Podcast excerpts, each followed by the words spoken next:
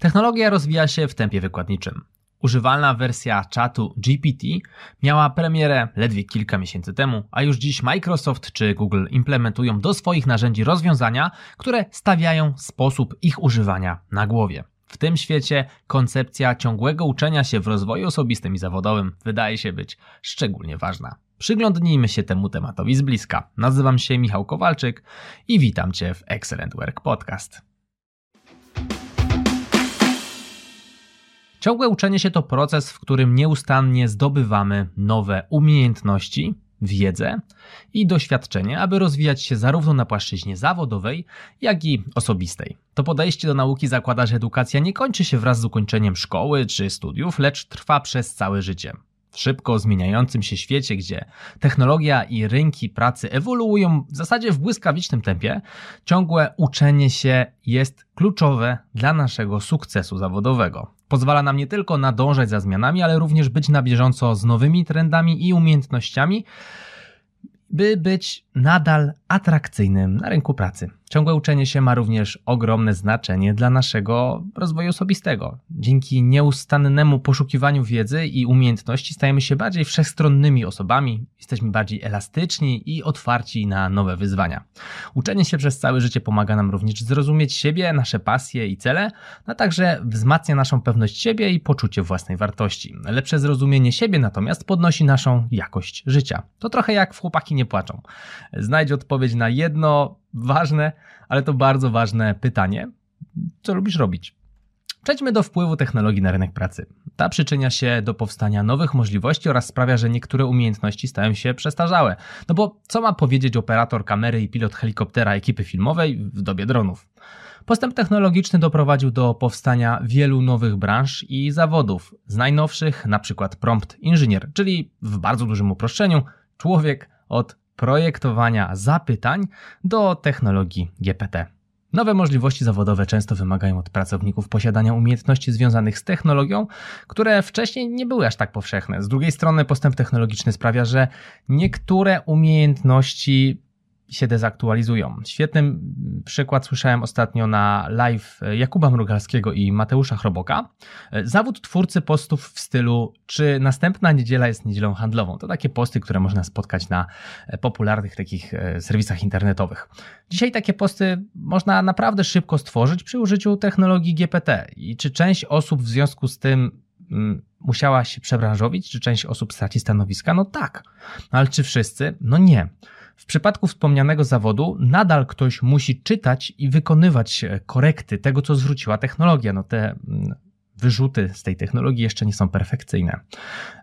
W mojej ocenie obecnie mamy taką rewolucję, podobną rewolucję do tej, która E, miała miejsce, e, gdy zmienialiśmy e, środek transportu z konnego na samochodowy. No i jasne, wielu woźniców, kowali czy stajennych straciło pracę, ale pojawiły się zawody mechanika, fabryki z częściami, rafinerie czy stacje, w których setki tysięcy ludzi znalazło zatrudnienie.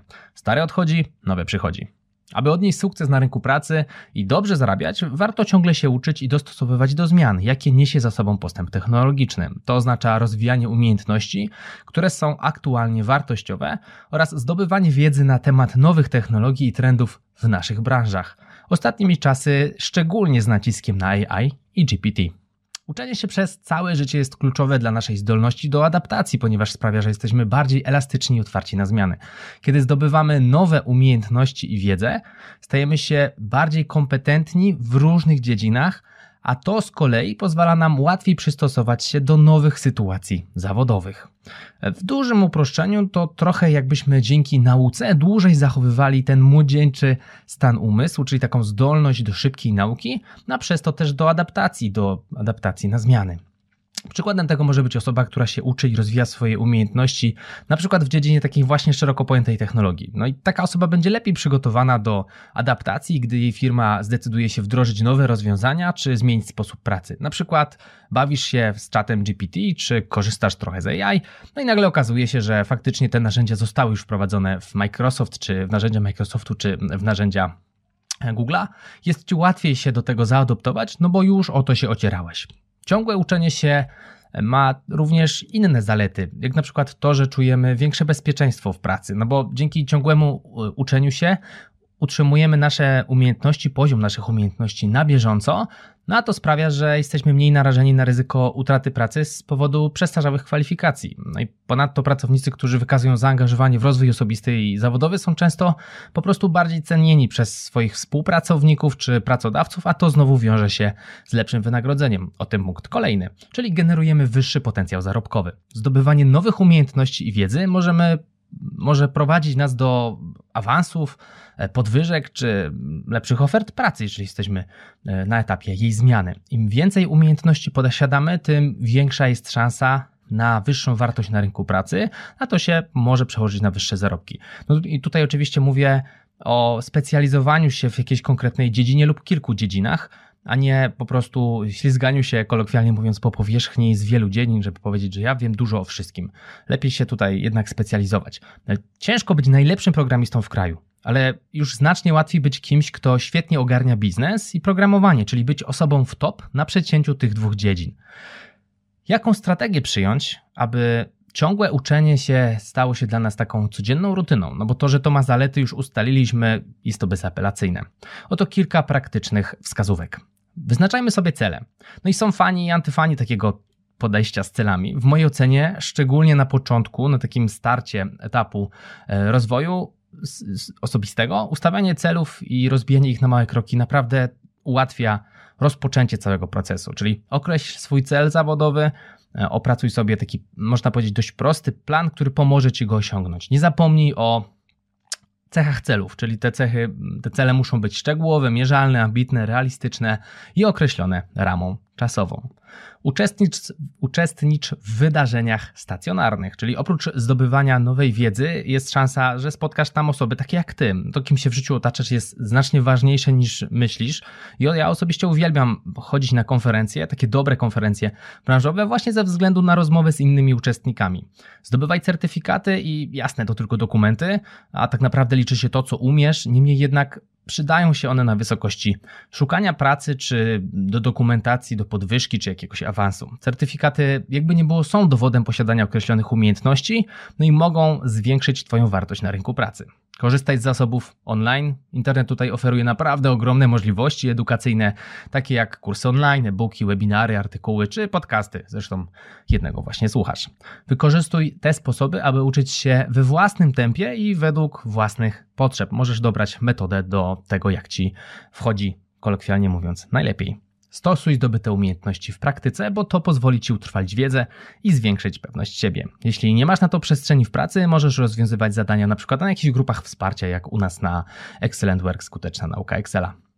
Utrzymuj kontakty z innymi uczącymi się. Mam kilkoro przyjaciół, którzy ciągle podrzucają mi nowinki z ich branż, no a akurat ta branża również mnie interesuje. Mnie to motywuje do nauki. Nawiąż relacje z innymi osobami, które są zaangażowane w ciągłe uczenie się. Możecie się wzajemnie motywować, wymieniać wiedzą oraz wspierać tym samym w osiąganiu swoich celów. No i oczywiście monitoruj postępy. Regularnie oceniaj swoje postępy w dążeniu do wyznaczania celów. Śledzenie osiągnięć pomoże Ci utrzymać wyższą motywację i dostosować strategię, jeśli poczujesz, że zajdzie taka potrzeba. To jest trochę jak z siłownią. Codziennie nie widać zmian, dlatego warto sobie zrobić zdjęcie przed i po, no i po jakimś czasie oczywiście je porównać. Tam różnica jest bardzo często znacząca, jeżeli oczywiście na siłce robisz dobrą robotę, a jeszcze lepszą w kuchni. E, popracuj nad samodyscypliną i zarządzaniem czasem, czyli przydziel sobie codziennie trochę czasu na naukę. Niech to będzie nawet, nie wiem, 15 minut dziennie. W dłuższej perspektywie zobaczysz niesamowite rezultaty, trochę jak procent składany. Ja na przykład uczyłem się tak angielskiego. Poświęciłem właśnie 15 minut dziennie na pracę z aplikacją eTutor, no i często z 15 minut robiło się na przykład 30, wystarczyło po prostu zacząć. To nie jest reklama aplikacji, po prostu długo jej używałem. Po czasie znacznie łatwiej było mi obsługiwać język angielski, korzystając z tej wiedzy, którą zaczerpnąłem, poświęcając powiedzmy 15, 20, czasami 30 minut dziennie. Dbaj również o równowagę pomiędzy życiem zawodowym, osobistym, no i edukacją. To chodzi tutaj o uniknięcie wypalenia, no bo nie samą edukacją i rozwojem kariery żyje człowiek. Balans w tej przestrzeni jest ważny, aby utrzymać pęd i swoje chęci. Dbajmy o zdrowie, regularnie ćwiczmy, dbajmy o dietę, starajmy się wysypiać, aby utrzymywać dobry stan zdrowia i energię niezbędną do realizacji wcześniej ustalonych celów, między innymi tej codziennej nauki. Znajdźmy codziennie czas na odpoczynek i relaks. Nawet jeżeli jest to kilkanaście minut. To trochę jak z edukacją. Warto codziennie się uczyć, ale codziennie warto też odpocząć. No i nie porównujmy się z innymi. Każdy z nas ma inne cele, inne potrzeby, inny kontekst, inne ograniczenia. Dlatego porównywanie się z innymi niestety może doprowadzić po pierwsze do niezdrowej konkurencji, a po drugie do zwiększonego stresu, że na przykład komuś idzie lepiej. Skup się na swoim własnym rozwoju i swoich postępach, czerpiąc jednocześnie inspirację z tego, że ktoś gdzieś na przykład jest dalej. Porównuj się najlepiej ze samym sobą z przeszłości. No, to zdanie pojawia się w wielu książkach, artykułach, materiałach, nie tylko moich. No i w mojej ocenie naprawdę warto je sobie wziąć do serca. Postaraj się, by nauka była przyjemnością. Czyli staraj się sprawić, aby proces nauki był satysfakcjonujący, był dobrany do ciebie. Wybieraj te tematy, które cię interesują, no i eksperymentuj z różnymi metodami nauki, aby bardziej znaleźć, lepiej znaleźć taką, która ci odpowiada. Najgorzej jest, gdy na samą myśl, że trzeba się znowu będzie uczyć, no robicie się niedobrze. No to wyraźny sygnał, że pora zmienić kierunek. Kierunek to raz, ale dwa to pewnie też sposób nauki. No i pamiętaj, że długotrwały sukces zależy od zdolności do adaptacji, ciągłego uczenia się, no i dbania o swój dobrostan, więc to takie dość holistyczne podejście do rozwoju swojej kariery. Stosując praktyki wspomniane w tym odcinku, będzie Ci znacznie łatwiej utrzymać proces tej ciągłej edukacji, tej ciągłej codziennej edukacji. Jeśli wiąże się on dla Ciebie z rozwojem umiejętności pracy w Excelu i innych programach pakietu Office, sprawdź moje kursy na www.naukaexcela.pl Link oczywiście znajdziesz w opisie odcinka. Mam nadzieję, że Ci się podobał. Jeśli tak było, wyślij go proszę do jednej osoby. Mówił dla Ciebie Michał Kowalczyk. A to był Excellent Work Podcast. Do usłyszenia lub do zobaczenia w kolejnym odcinku. Trzymaj się, hej!